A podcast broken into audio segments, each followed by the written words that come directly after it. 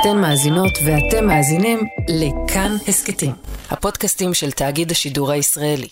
אנחנו ילדי התקופה. גם בתקופת המעבר, המדינה ממשיכה. התקופה היא פוליטית, אבל התקופה היא לא רק פוליטית, היא גם תקופת בחירות. ברור לכולם שהממשלה הכושלת בתולדות המדינה, הממשלה הזאת סיימה את דרכה. וגם תקופת מיתון. בקיצור, שמח.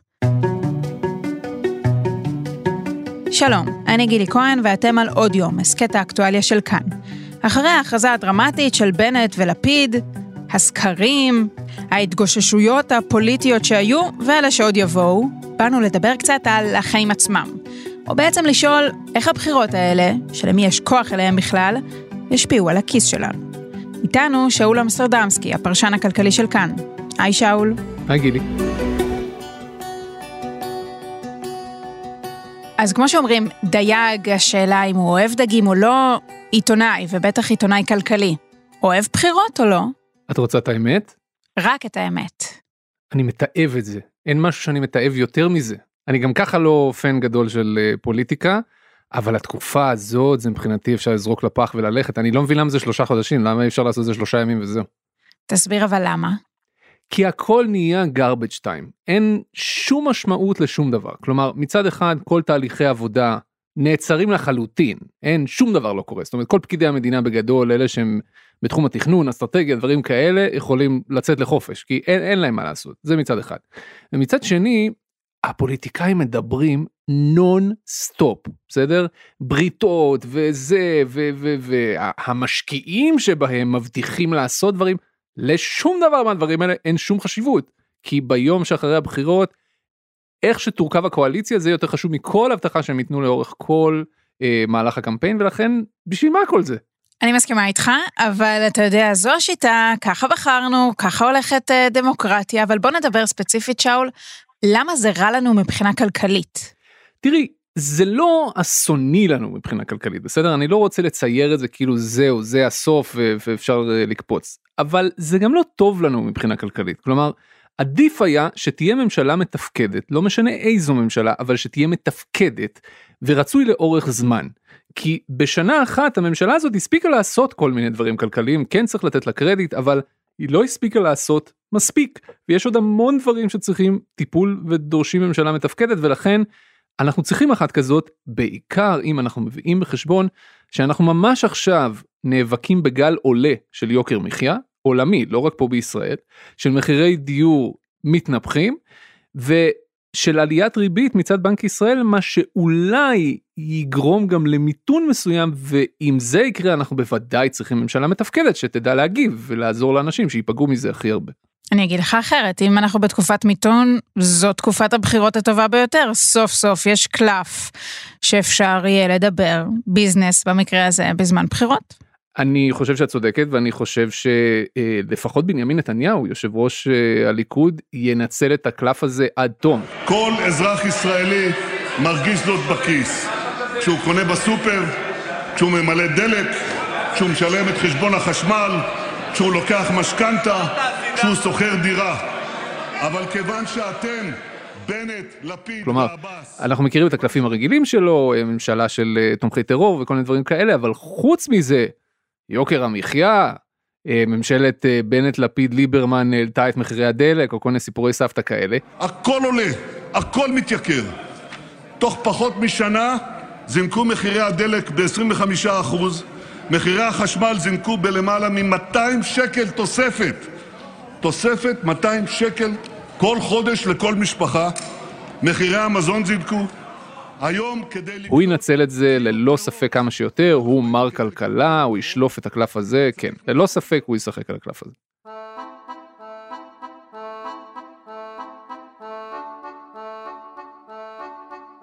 שאול, בוא נפרק את זה שנייה לעלויות. כמה זה עולה לנו בחירות? תראי, באופן ישיר אנחנו מדברים על סדר גודל של uh, מיליארד וחצי, מיליארד ונקודה שש, זה כולל כל מיני דברים, זה כולל ועדת הבחירות המרכזית וקמפיינים וכל מיני דברים כאלה, וגם, uh, אם אני זוכר נכון, גם את uh, אובדן התוצר של המשק, כי זה יום שבתון. וגם הוויכוח הזה הוא אינסופי.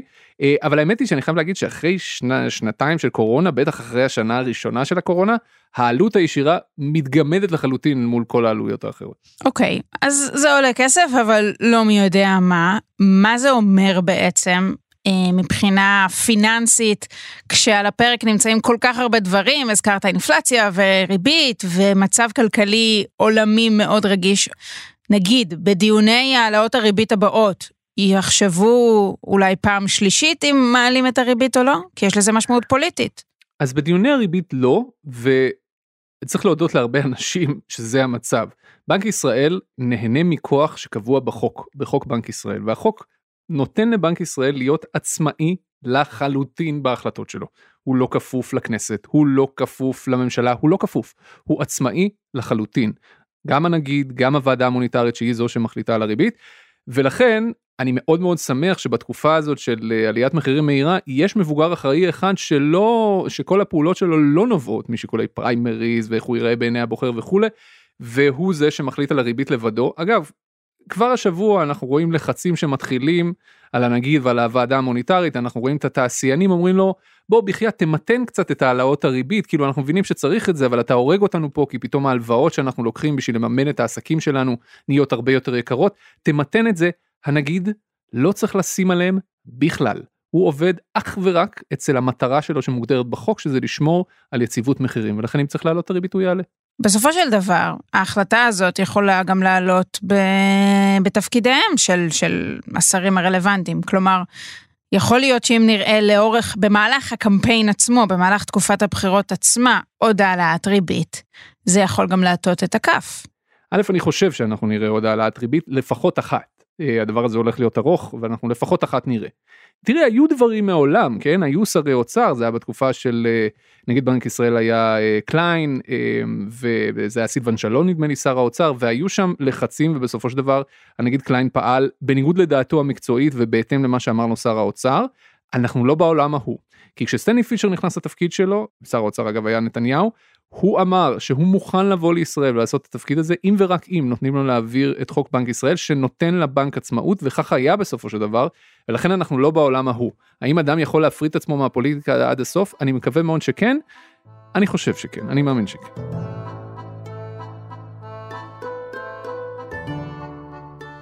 טוב, בוא נדבר קצת על המשמעויות של ממשלת המעבר, שאולי תתחיל בפעילות כבר בשבוע הבא. מה זה אומר? מה היא יכולה לעשות בכלל? בגדול לא הרבה. כלומר כל מה שהוא חיוני לחלוטין לשוטף ואו אם מדובר בחירום כן אני מזכיר שממשלת אולמרט נדמה לי הייתה בתקופת אה, ממשלת המעבר של אולמרט הייתה אה, אני כבר לא זוכר איזה מבצע זה היה. עופרת יצוקה. עופרת יצוקה יפה אז זה היה בתקופת ממשלת מעבר כלומר אם צריך משהו חירומי ממשלת מעבר יכולה לעשות אותו. מה שממשלת מעבר מתקשה מאוד לעשות אלה דברים שבעצם מסנדלים את הממשלה הבאה מבלי שלאנשים שיושבים בממשלת המעבר יש איזושהי אחריות לעניין שהם יכולים אחרי זה לשאת בה. אני אתן כמה דוגמאות. למשל מינויים. מינויים בטח כאלה שהם לקדנציות ארוכות זה משהו שמאוד מאוד קשה להעביר בתקופת ממשלת מעבר. אני לא יודע מה יקרה ספציפית עם המינוי של הרמטכ"ל, אני בטוח שאת מבינה בזה יותר ממני. רק אתמול הודיעה היועצת המשפטית לממשלה, רשמית, שבגלל הקדמת הבחירות, אפילו לפני שהכנסת התפזרה בצורה רשמית, פורמלית, צריך לבחון היטב אם מינוי הרמטכ"ל יכול להיחשב כצורך חיוני ולא יכול פשוט לחכות להקמת הממשלה הבאה. גנץ כמובן גם התייחס לכך, אמר שהוא התייעץ עם נתניהו, ואולי כדאי להזכיר את הדברים האלה של שר הביטחון גנץ רק השבוע בפני ועדת החוץ והביטחון, אומר שמה שקרה עם מינוי המפכ"ל במשטרת ישראל לא יחזור במשמרת שלו במשרד הביטחון. אני קובע שלצה"ל לא יהיה ממלא מקום רמטכ"ל. אני לא אאפשר לצה"ל לעבור תהליך כפי שלצערי ראינו שקרה במשטרת ישראל במשך שנתיים רצופות. יפה אז יש את הסיפור של הרמטכ"ל באותה מידה אני יכול להביא לך גם את מנכ"ל ביטוח לאומי מין גוף קטן וזניח. בסוף יש להם 90 מיליארד שקל שם זה אפילו יותר מצה"ל. אה, ואת אה, מנכ"ל חברת חשמל בסדר? אז מינויים מינויים זה קשה ומינויים כאלה זה דבר חשוב כי אנחנו צריכים שהגופים האלה יתפקדו באופן תקין. הבאת את הדוגמה של המשטרה שבאמת הרבה זמן הייתה ללא מפכ"ל ואפשר להגיד שבוא נגיד אה, לא תפקדה היטב בשנים האלה. חוץ מזה. יש כל מיני דברים שממש נמצאים כרגע על השולחן בליבת הזירה הכלכלית ו- ובעצם אין להם ממי לקבל מענה.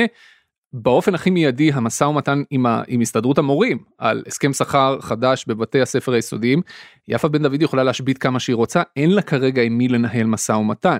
כלומר, אפילו אם היא תגיע לאיזושהי הסכמה עם הפקידים, בסדר? אין להם למי להביא את זה לחתימה, זה הסכם שיעלה מיליארדי שקלים. אני לא רואה את היועצת המשפטית לממשלה אומרת להם, כן, אין בעיה, תסנדלו את הממשלה הבאה במיליארדי שקלים, סבבה, בכיף. כנ"ל נמצא הסכם שכר במגזר הציבורי וזה רק כמה דברים וחוץ מזה יש תהליכים מאוד חשובים של רפורמות שאמורות להתקדם ופשוט לא יכולות כי כרגע זאת תהיה ממשלת מעבר חוק המטרו שאמור לעזור לממשלה לקדם פרויקט תשתית הגדול ביותר בהיסטוריה של מדינת ישראל 150 מיליארד שקל עלותו הדבר הזה לא יכול להתקדם הורדת גיל הפטור משירות בצה"ל לאברכים לגיל 21 משהו שאמור לקדם את הכניסה שלהם לשוק העבודה גם זה לא יכול להתקדם ויש עוד המון המון כאלה. כל אה, טיוטת חוק ההסדרים שעבדו עליה במשרדי האוצר בחודשים האחרונים פשוט תיגרס? אני לא חושב שהיא תיגרס, אה, כי בסופו של דבר טיוטת חוק ההסדרים, כשמה כן היא טיוטה, ובמגירות של אה, אנשי אגף התקציבים במשרד האוצר יש המון הצעות שהם יכולים לשלוף בכל רגע נתון. הבעיה היא שייקח עוד המון המון זמן עד שנגיע לרגע הנתון הזה שבו הם שולפים מהמגירה ומביאים למי שזה לא יהיה או תהיה שר או שרת האוצר. כי במקרה הכי הכי הכי טוב, מתי יש לנו ממשלה? ככה כזאת שהושבעה ושר אוצר חדש? במקרה אני... הכי טוב, הכי טוב זה נובמבר. הכי טוב. אוקיי, אז בנובמבר במקרה הכי הכי טוב יש לנו ממשלה מושבעת ושר או שרת אוצר חדשים, אחרי זה הם צריכים לקחת עוד איזה חודש חודש חודשיים לגבש איזושהי תפיסת עולם להחליט מה בפנים מה בחוץ ואחרי זה אנחנו צריכים לפחות עוד חודשיים שלושה עד שכל הסיפור הזה עובר בממשלה ובכנסת כלומר במקרה הכי טוב אני מגיע לאמצע שנת 2023 בלי תקציב ובלי חוק ההסדרים זה בכלל אם יש לנו תוצאה ברורה לבחירות מה שלא בטוח שיקרה אם אנחנו נלך אחרי זה לעוד כמה סבבים של בחירות זה לגמרי יכול להיות שידור חוזר של 2020.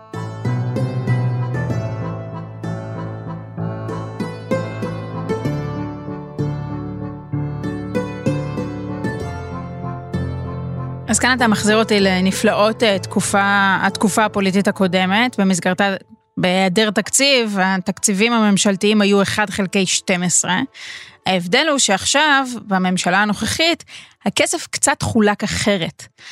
איך זה ישפיע? כלומר, יכול להיות שבמידה מסוימת יהיה אינטרס של חלק מהשחקנים הפוליטיים המעורבים, לדוגמה רע"מ, לגרור אותנו לעוד ועוד מערכות בחירות, או שאני פה קונספירטיבית לגמרי? אני חושב שלא, ואני אנסה לנמק. זאת אומרת, אולי יהיה להם אינטרס, אבל לא זה יהיה האינטרס. בסופו של דבר, תקציב המדינה, 95% ממנו, אולי אפילו קצת יותר, הם קשיחים לחלוטין. זה הולך קודם כל להחזר חובות, אחרי זה לתשלום משכורות, אחרי זה לתשלום חוזים רב שנתיים נגיד לקנות את כל המטוסים הנחמדים של צה"ל את כל הטנקים אה, לסלול כבישים אה, מסילות רכבת אלה דברים רב שנתיים מאוד כבדים מבחינת עלות כל הכסף הזה הולך לשם ואז בסוף בסוף בסוף אחרי שעשינו את כל הדברים האלה נשאר מה שנקרא התקציב הגמיש שזה ממש בשולי השוליים של התקציב. כמה מיליארדים. חד משמעית כמה מיליארדים אבל זה מה שזה תקציב המדינה הוא 450 מיליארד רק בשביל לשים את הדברים בפרופורציה עכשיו בכל פעם שממשלה מאשרת תקציב ומחליטה על סדרי עדיפויות אה, התקציביים שלה, זה לא שהיא עושה פריש מיש מוחלט ואומרת יאללה, אנחנו נגדיל את תקציב הרווחה פי שניים. זה לא עובד ככה, הם ממש, זה בשולי השוליים של כמה מיליארדים כמו שציינת. הכמה מיליארדים האלה הם לא ה game changer, כי הכסף הגדול במילא זורם. הכסף הגדול במילא מגיע לגני הילדים של אגודת ישראל ושל אה, ש"ס, כן, של המעיין התורני. הכסף הגדול ממילא הולך למוסדות התרבות אה, ולאברכים בכל מיני מבחני תמיכות. הכסף הגדול ממילא זורם. החלק המשמעותי של אותה אה, תוכנית תקציבית שרע"מ דחפה להעביר בממשלה שעכשיו יוצאת, היא להכניס את כל הדברים האלה שחשובים להם, כן, כל חיזוק החברה הערבית בתקציבים, לתוך בסיס התקציב. כלומר שזה יזרום anyway. והכסף השולי אכן לא יגיע, אבל כשמו כן הוא, הוא די שולי.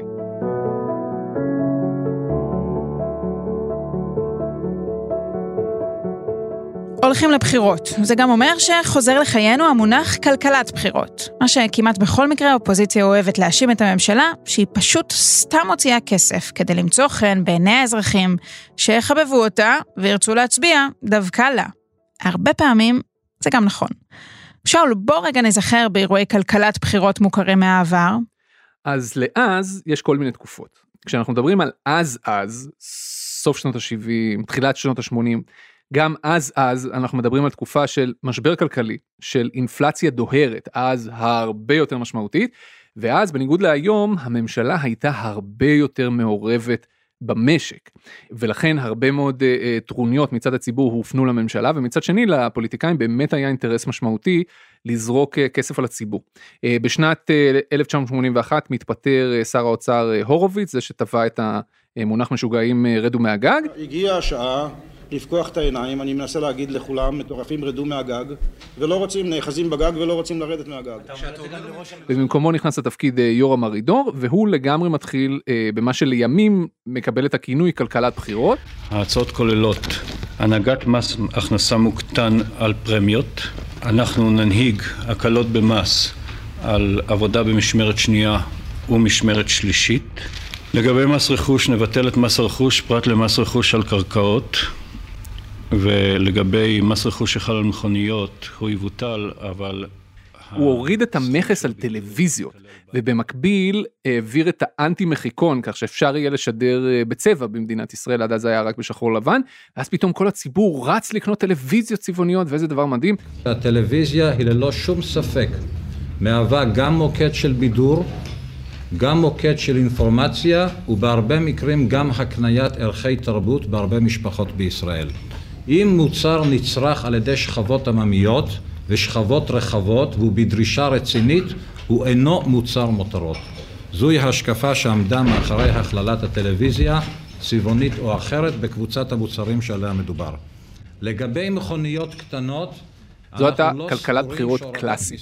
מאז אנחנו לא כל כך בעולמות האלה, בין היתר בגלל שהייעוץ המשפטי לממשלה מאוד מונע מהממשלה לעשות דברים כאלה, אם כי, אם כי ממש עכשיו, אה, אנחנו רואים את שר האוצר ליברמן עושה משהו שהוא, אה, איך נקרא לזה, בכיוון של כלכלת בחירות, למרות שהוא עצמו לפני זמן די קצר, אמר בקולו כלכלת בחירות לא תהיה. לא אתן יד, לא במשמרת שלי, לא תהיה פה כלכלת בחירות. הוא עכשיו, ממש השבוע, הודיע שהם עובדים במשרד האוצר על להמשיך את ההוזלה במיסוי על הדלק באופן יותר ארוך, במקום חודש או במקום רבעון, קצת יותר ארוך מזה, ובמקום שזאת תהיה הנחה של חצי שקל, שזאת תהיה הנחה של שקל. זה גם טוב לתעשייה, זה טוב גם לאזרח.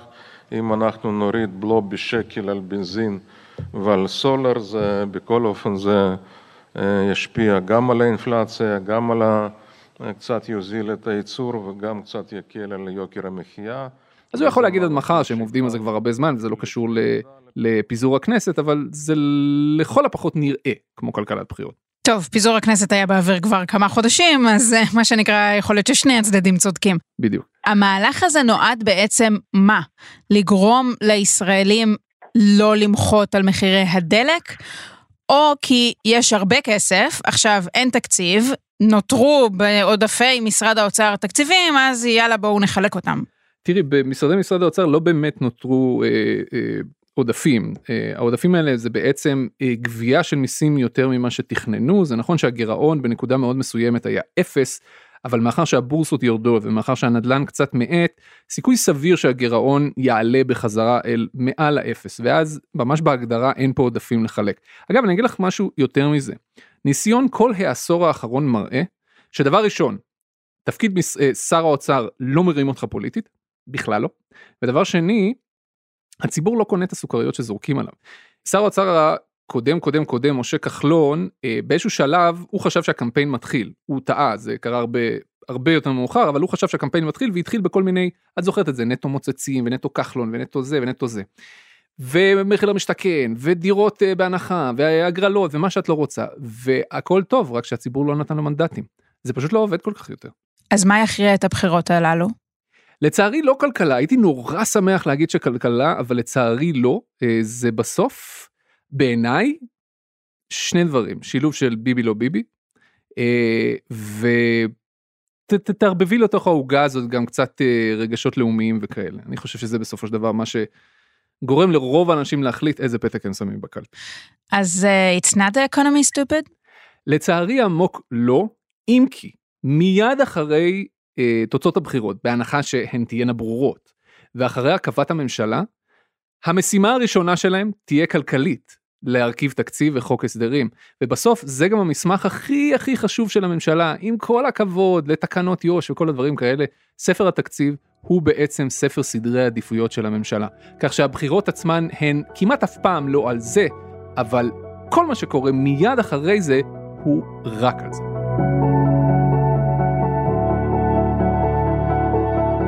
שאול אמסטרדמסקי, תודה רבה לך. תודה רבה גידי. האזנתם לפרק של עוד יום, העורך הוא דניאל אופיר, עיצוב קול ומיקס רחל רפאלי, ביצוע טכני מיכאל אולשוונג.